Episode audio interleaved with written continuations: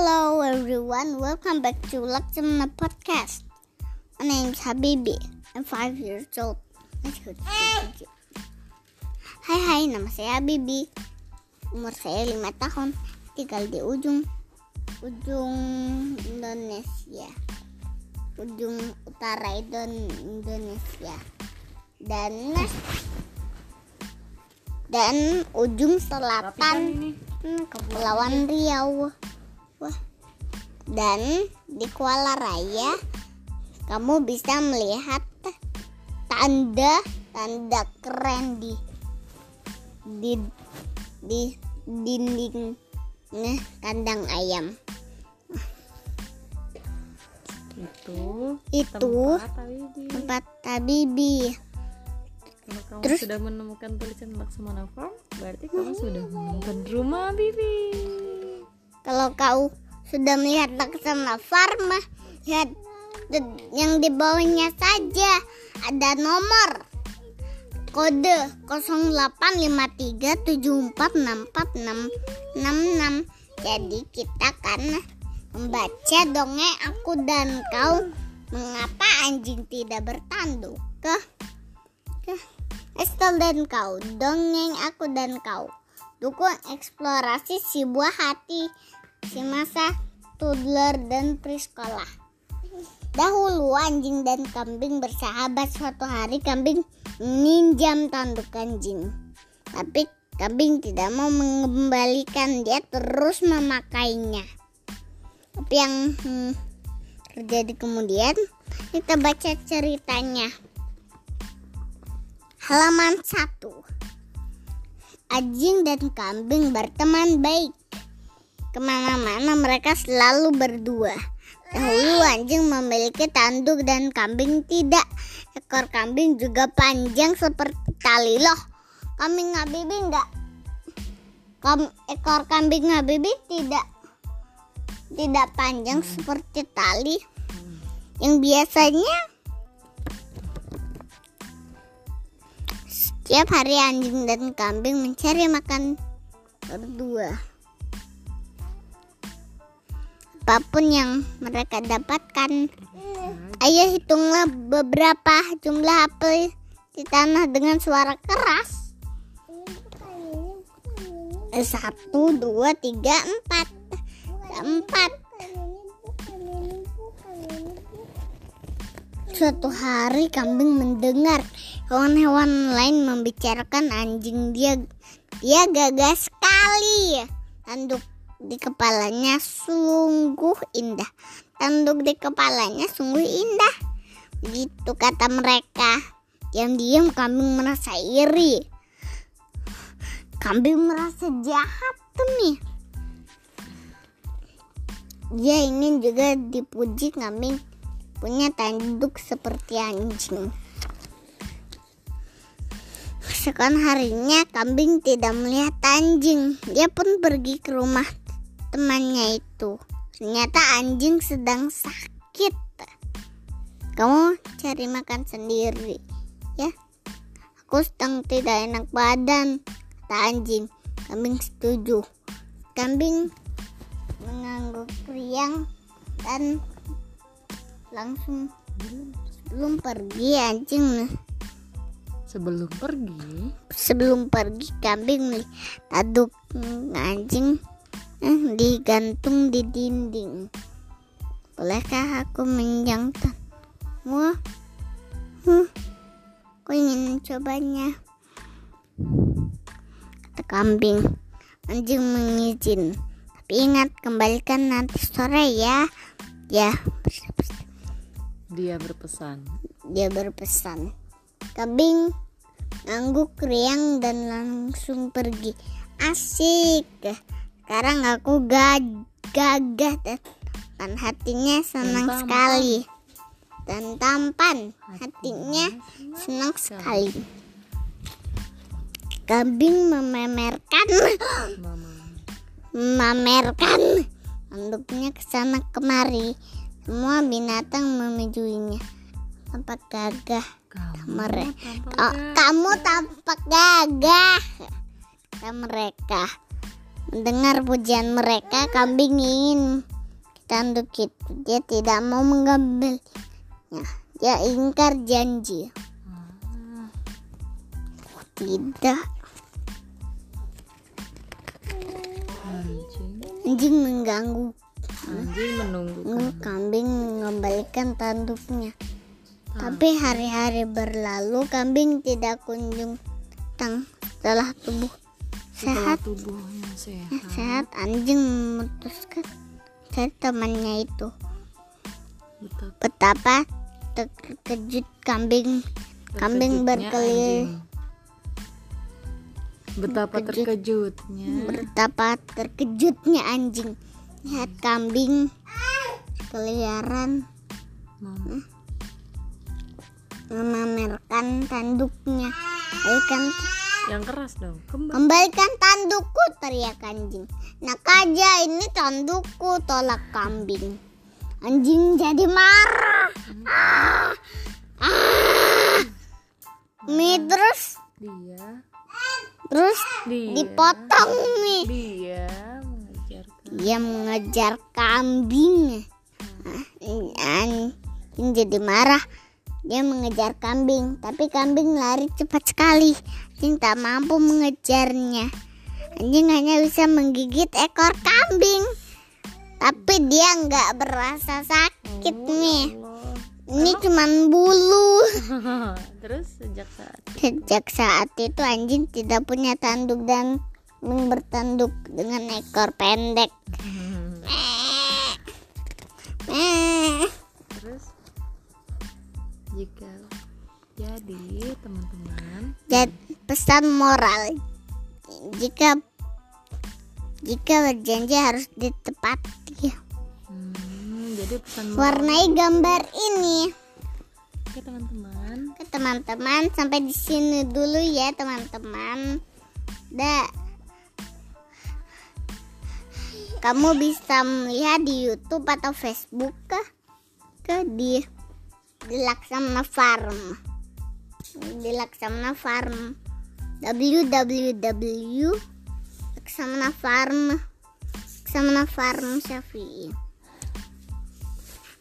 see you See you.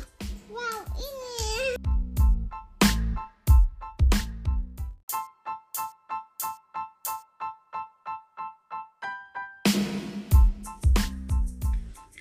Hai teman-teman, kita kembali lagi ya. Mas. Jadi, kita akan nah, nah, membahas tentang sebuah dongeng Wayat Tembaga. Tembaga itu adalah unsur. Ini cuman di dongeng aku dan kau. kan itu Aisyah. Mereka cuma oh Aisyah yang mau iya Hai teman-teman, nama saya Aisyah. Aisyah tiga tahun. Aisyah mau cerita tentang buaya. Buaya tembaga. Bukan tembaga tapi tebaga. dengarkan ya. Tembaga. Ayo kita lihat apa yang terjadi. Ikan. Bilang dia aku lanjutan aku para ikan cemas. Ikan cemas. Karena ada ular. Karena ular ada ular. Ular yang sangat besar ular dan sangat besar. Dengarkan makanya. Yang suka. Ada u- ada suka. Ah yang suka. yang suka. Baca tidak kelihatan nih yang suka mengganggu yang ganggu. Terus ini tidak kelihatan nih. Sakit sakit sakit. Hmm. tolong bantu bah sama abah ini siapa cakap Belum. Dia bilang aku lapar, aku sulit takut, oh gitu kata Tidak. ikan. Terus? Aku takut. kata ikan. Coba makan ulat itu bukan ulat tapi Ular. ulat. Terus? Dia bilang mana ikanku? Dia bilang Hmm, tidak apa-apa kami ini mau carikan nah, ini mau carikan di YouTube. Bah. Bah. tidak Nestel dan kau aku dan kau.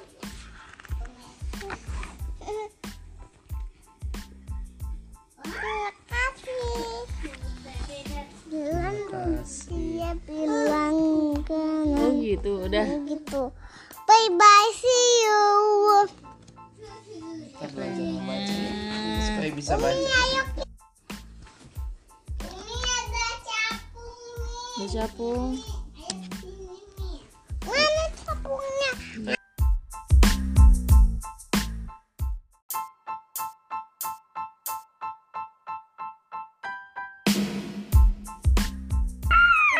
Hello everyone. Hai hai Welcome back to my podcast channel Oh Laksamana Podcast Laksamana Laksamana Podcast Yes, tapi hari ini ada Mami di sini. Mami akan membacakan dongeng Aku dan Kau yang berjudul Kilip dan Putri Bulan. Oke, ringkasan ceritanya, Kilip suka memainkan alat musik sampek. Tak disangka, permainannya berhasil membuat Putri Bulan lolos. Oh my god, Aisyah lolos dari kejaran ruha si raksasa. Eh, aduh adik-adik yang manis, dengarkan ya. Kan sedang bercerita atau tidak mau? tidak Oh, tidak mau. Oh, mau. Oke. Baringlah yang baik dan tutup matanya. Sebagai ucapan terima kasih, Putri Bulan bersedia mengabulkan keinginan Kilip. Apa ya keinginan Kilip itu? Ayo kita dengar ceritanya. Ayo baring. Kepalanya letakkan di bantal. Peluk gulingnya dan tutup matanya. Dengarkan ya. ya nih Oke. Kilip adalah seorang pemuda yatim piatu. Tahu nggak yatim piatu itu apa? Yatim piatu itu tidak mem jadi ayah dan ibunya sudah meninggal. Sudah tidak ada. Jadi dia Kilip ini seorang pemuda yang yatim piatu. Ayah dan ibunya sudah meninggal. Dan setiap hari dia bekerja di ladang peninggalan orang tuanya. Orang tuanya yang sudah meninggal. orang tua yang udah meninggal di rumah di kuburan. di kuburan Iya, sudah dikubur. oh Terus Kilip ini dia bekerja dengan rajin dan penuh semangat. Dia selalu ingat. Kilip bekerja dengan rajin dan penuh semangat. Dia selalu ingat pesan orang tuanya untuk merawat ladangnya dengan baik.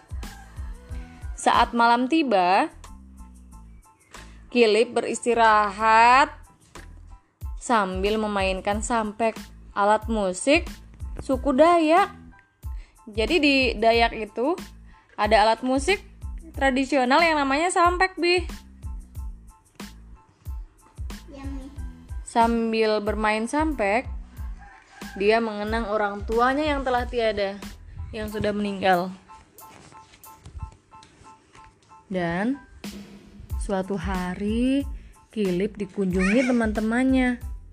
Mereka mengajak Kilip meninggalkan desa. Ayo, pergilah bersama kami. Tinggalkan ladangmu. Kita cari pengalaman baru. Kata salah satu teman Kilip. Kilip ingin sekali ikut. Dia ingin menjelajahi negeri ini. Dia ingin melihat hal-hal yang baru di luar desanya. Namun, Kilip sudah berjanji kepada orang tuanya untuk selalu menjaga ladangnya. Maaf, teman-teman, aku harus tetap tinggal di sini, kata Kilip. Setelah teman-temannya pergi meninggalkan desa, Kilip semakin kesepian. Tiap malam, dia memainkan sampeknya. Kilip tidak menyadari suara sampek yang dimainkannya terdengar sampai ke langit. Wah, pada suatu hari, di langit sedang terjadi kehebohan. Putri Bulan sedang dikejar oleh Ruha. Ruha ini dia dia adalah sebuah raksasa. Dia adalah raksasa yang besar. Ruha tidak ingin Putri Bulan muncul, menyinari bumi. Ruha ingin tetap bumi menjadi gelap gulita. Boleh nggak? Tidak. Ah! Ah! Siapa itu? Suara apa itu? Telingaku sakit. Telingaku sakit. Ah! Ah! Teriak Ruhara sang raksasa. Putri Bulan yang sudah ada di dalam genggamannya pun terlepas. Wah! Ruha cepat-cepat lari menembus awan. Dia tak kuat lagi mendengarkan bunyi sampek itu. Putri Bulan lega. Ruha tidak kuat lagi mendengarkan bunyi sampek itu. Putri Bulan lega. Dia bisa kembali muncul menyinari bumi. Saat itulah dia melihat kilip dan sampeknya. Putri Bulan memutuskan untuk pergi ke bumi dan mengucapkan terima kasih kepada pemuda itu. Hai pemuda, berkat suara musikmu, aku selamat dari kejaran ruha si raksasa. Sebagai ucapan terima kasih, aku akan mengabulkan satu keinginanmu. Kamu ingin apa? Tanya Putri Bulan kepada Kilip. Aku ingin menjelajahi negeri ini. Tapi jika aku pergi, bagaimana dengan ladangku? Ini amanah orang tuaku. Jawab Kilip. Tak usah khawatir. Kamu bisa menjelajahi negeri ini tanpa harus pergi lama. Kamu tetap bisa menjaga ladangmu. Ayo ikut aku. Sahut Putri Bulan.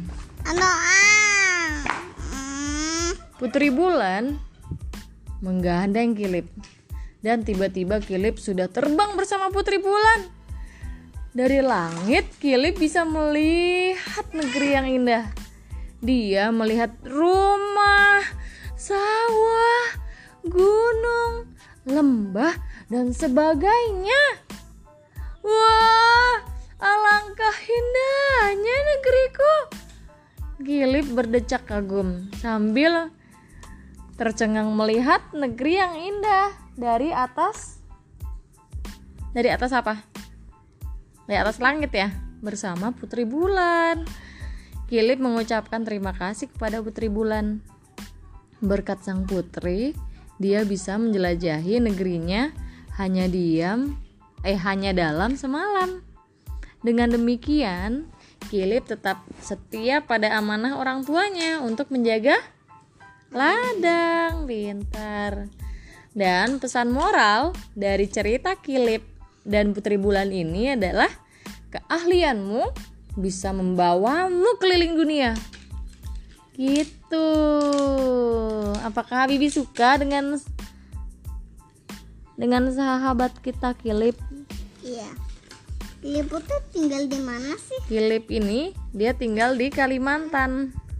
Di Kalimantan ada satu suku namanya Pro Kalimantan itu kan sebuah provinsi kan? Eh sebuah pulau. Iya, pulau yang Terus? besar. Iya, ada Kalimantan, Kalimantan Timur, ada yang Kalimantan gini nih. Tengah. Iya betul, yang bentuknya bentuknya seperti apa ya?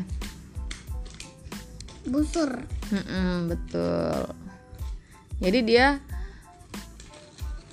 dia orang Dayak, sukunya suku Dayak dan di dalam di suku Dayak ini ada alat musik tradisional ber- bernama apa? Tadi Umi cerita? Sam Hmm, sampek. Gitu. Apakah Aisyah suka dengan ceritanya? iya Jadi Kilip ini anak yang apa? Anak yang mendengarkan orang tuanya ya, sayang dengan orang tuanya.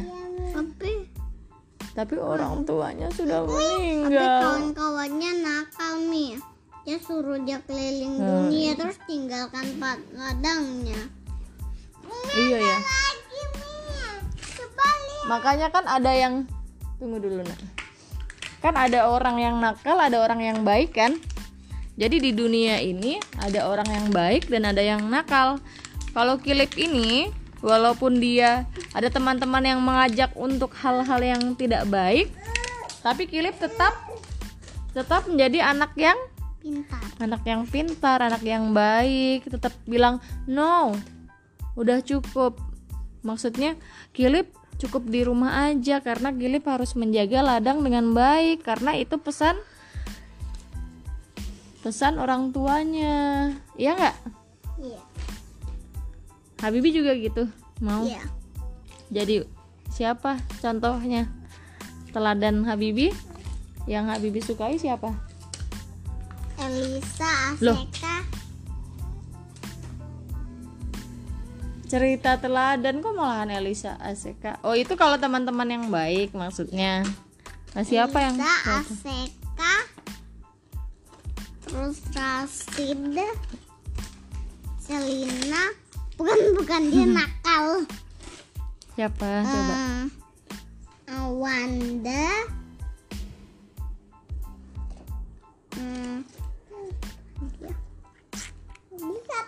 siapa lagi? Ri- Ri- bukan bukan bukan. Dia nakal jangan ngejek ngejek ke bibi. Eh, terus? hmm, hmm, empat aja nih. Oke Hmm, jadi ada yang jadi Habibi harus sudah tahu mana yang baik dan mana yang kurang baik. Jadi hmm, nanti lagi kalau ada yang mengajak ke hal yang tidak baik Habibi harus bisa menolaknya ya. Menolaknya dengan baik juga tapi ya. Oke teman-teman. Sekian dulu cerita tentang tentang Gilip dan Putri Bulan. Sampai bertemu lagi di cerita selanjutnya. Lanjut cerita selanjutnya dadah see you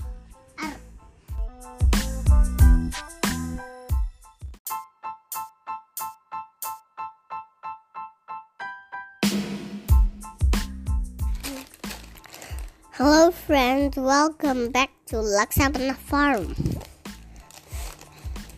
Welcome back to my podcast room. Today I want to sing I want to sing Water Fruit Org ABC song tongue twisters. listen Okay, listen. Apples at the acrobats. Up bluebirds, Butternut cookies. Crunchy, crunch. Little doggy dick. Little daisy bunch. E. Size. Size. Size loudly please Lips. Legs. loudly please D. Go. Goldfish. gobble it's horses rearing Cats and hollyhock.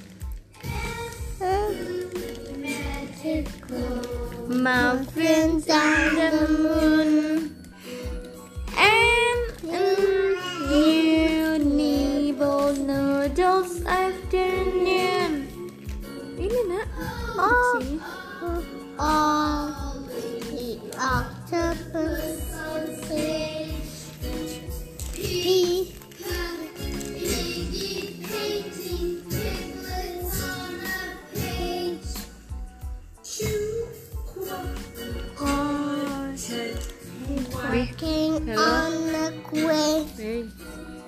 Are ready, running till the wild as seahorse swimming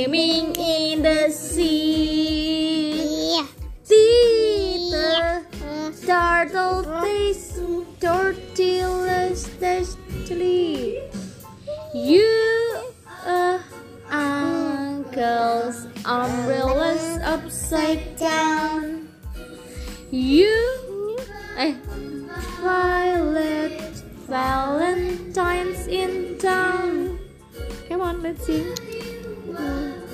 We'll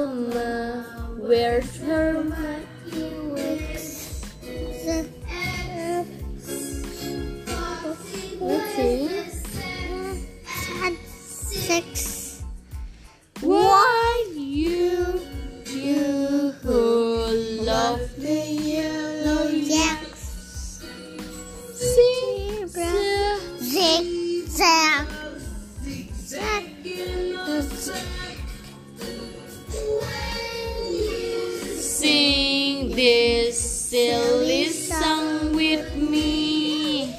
The letters are as easy as can be.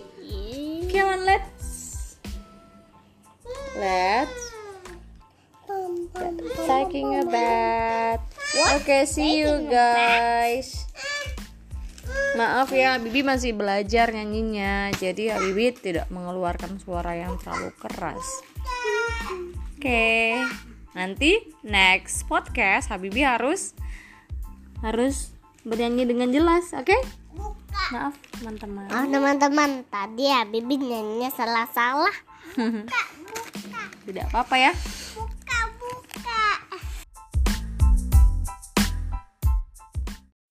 Hai guys, kembali lagi di Laksamana Story Time.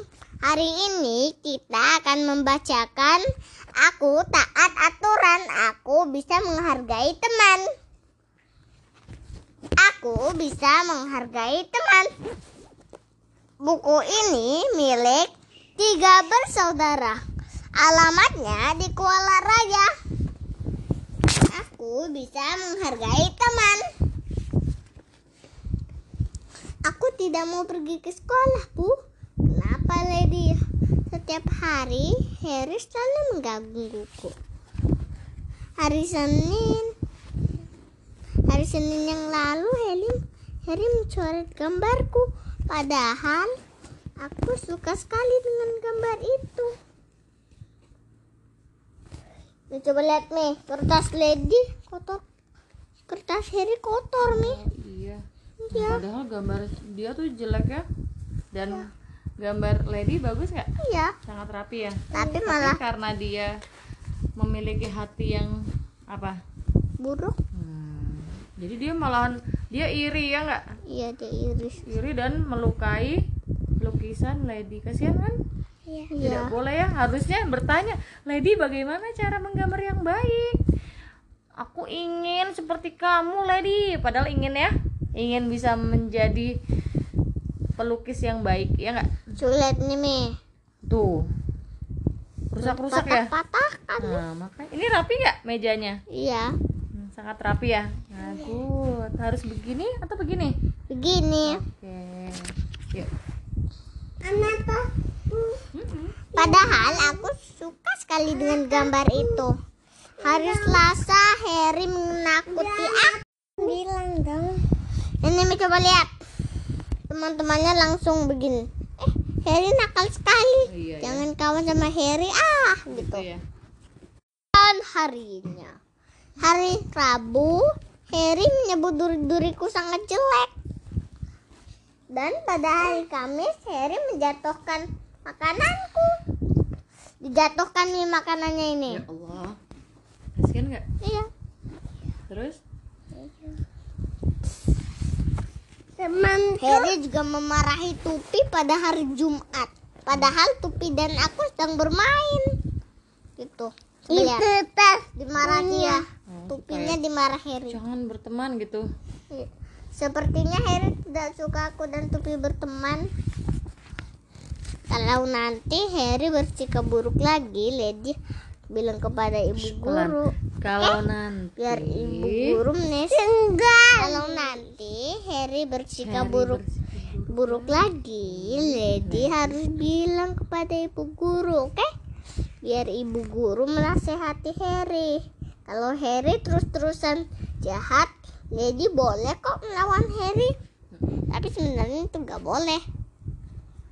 Hmm, boleh aja kalau udah urgent atau Habibi ternyata disakiti terus dan Habibi udah kasih tahu kepada ibu guru tapi masih mengganggu juga yang betul adalah lapor kepada Umi. Umi ya nanti Umi yang memberi pelajaran Tapi, apakah duri-duriku sangat jelek, Bu? Tidak, Lady. Semua binatang punya ciri khas sendiri. Bukanlah akan membosankan ketika sem- jika semua bin- binatangnya bentuknya sama. Akhirnya, pada hari Sabtu, Lady mau pergi sekolah. Pergi sekolah lagi. Wah, situ berduri datang. Apa? Lady berusaha menahan marah. Ia teringat pesan ibu. Hmm, setelah masuk kelas, Harry terus mengejek. Berhenti menggangguku, Harry. Au! itu Lady melawan ya Apakah Harry terluka? Ya.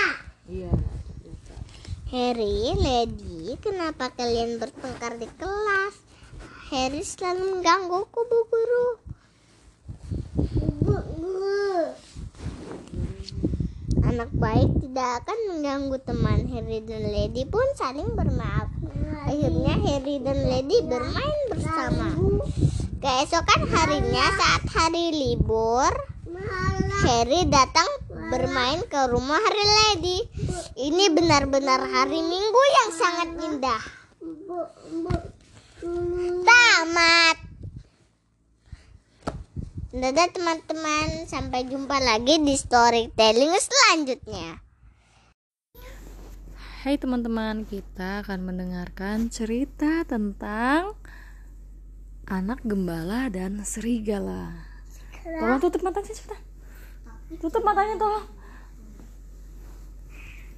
Tutup matanya nak. Pada zaman dahulu, hiduplah seorang anak pengembala di suatu desa bernama Desa Kuala Raya. Setiap hari dia bertugas mengembalakan domba-dombanya dan kambing-kambingnya. Terus, karena terus melakukan kegiatan yang sama, dia selalu dia kan selalu membawa kambing-kambingnya untuk makan di tepi pantai. Tutup matanya tolong. Shh. Terus karena dia selalu melakukan hal yang sama, dia merasa bosan. Hmm, ini bosan sekali. Aku ingin melakukan hal yang lain. Mainlah. Mainlah. Mainlah. Umi tidak mau membacakan lagi. Suatu hari, terbesit di pikirannya untuk mengerjai orang-orang desa Kuala Raya sebagai hiburan. Dia pun berlari menuju desa sambil berteriak, "Ada serigala! Ada serigala! Ada serigala!" Sesuai dugaannya, masyarakat setempat berlari menuju tepi hutan untuk mengusir serigala tersebut. Tapi sampai di sana, tidak ada serigala sama sekali. Yang ada malahan sosok si anak pengembala itu. Dia tertawa terbahak-bahak. Hahaha. Hahaha. Hmm, terus warga-warga yang sudah mengejar itu mereka terdiam saling memandang satu sama lain. Mereka sadar ternyata mereka sudah tertipu. Mereka sangat kesal dan mereka pulang lagi ke rumahnya masing-masing. Terus beberapa hari kemudian anak itu kembali berteriak-teriak meminta pertolongan. Lagi-lagi penduduk desa berlari ke tepi pantai tersebut. Namun mereka ternyata tertipu untuk kedua kalinya mereka pun pulang dengan sangat kesal. Dan pada suatu hari menjelang sore, tiba-tiba saja serigala sungguhan muncul dari dalam hutan di tepi pantai itu. Si anak itu berteriak ketakutan, minta bantuan. Namun kali ini, kali ini, hmm, ketika dia berteriak tolong, serigala serigala tolong serigala tidak ada penduduk satupun yang datang untuk menolongnya. Tidak ada satu warga pun yang percaya akan teriakannya. Serigala itu pun dengan sangat lahap mereka memakan semua kambing yang dibawa oleh gembala tersebut.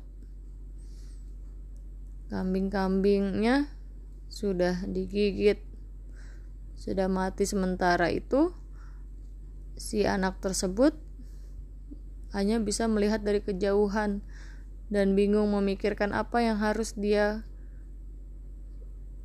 lakukan kenapa warga sekitar tidak mau menolongnya karena mereka sudah tidak percaya. Betul nggak? Ya orang-orang sudah tidak percaya. Ketika orang-orang mendengarnya hah itu suara si anak pengembala ah kita tidak mau percaya lagi biarkan saja. Dia pasti hanya menipu kita. Hanya bohong. Tuh kalau kita udah bohong sekali malahan ini dua kali kita tidak akan diper tidak dipercaya lagi. Jangan lakukan itu ya. Ini untung anak ini nggak digigit oleh serigala tapi kambingnya sudah habis. Dia sudah tidak memiliki kambing lagi jadi kejujuran ini adalah hal yang tidak ternilai harganya nak. Untuk men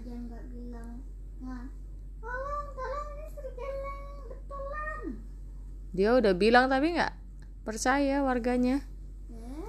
Makanya karena dia udah pernah berbohong. serigala aja tapi yang ketiga.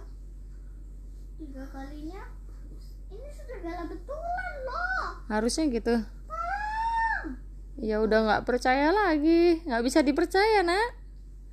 Namanya juga udah nggak percaya nak. Mengerti nggak? Gimana orang kesal sama kita padahal dia sedang melakukan kegiatan lain. Dia rela berlarian membawa parang untuk mengejar serigala yang anak ini bicarakan. Mengerti nggak?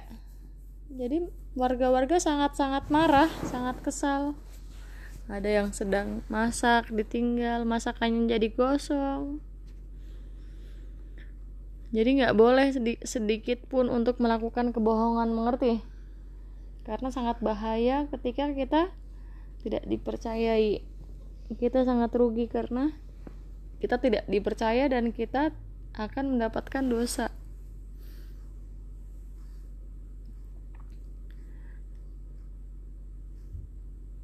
Kita bisa mengambil pelajaran dari cerita ini ya nak. Bahwa orang yang suka berbohong tidak akan dipercayai lagi selama-lamanya walaupun dia bilang tidak. Saya tidak bohong ini betulan. Tidak bisa dipercaya nak gitu. Kasihan kan? Makanya jangan sekali-kali berbohong. Jadi walaupun dia mengatakan yang jujur dia juga tetap nggak dipercayai. Kasihan dan cerita selanjutnya. ya bisa bisa saja dia berbohong lagi nak. Jadi orang kadang ya nggak usah percaya lagi. Makanya jangan sekali-kali berbohong. sekali. Tapi ke- ketika baru cuma sekali. Ya beberapa orang ya tidak mempercayai lagi mereka masih beberapa yang wah, aduh Ba- ambilkan bantal nak. Umi juga mau baring lah kalian nih nggak tidur tidur. Umi yang tidur awas. Masa itu mem? Ya udah tidur tidur aja lah nak. Ya dari tadi umi udah bercerita. Ah, capek ngantuk. Umi juga mau tidur. Jangan gitu jangan gitu umi. Takut takut takut nak sayang. Jangan nak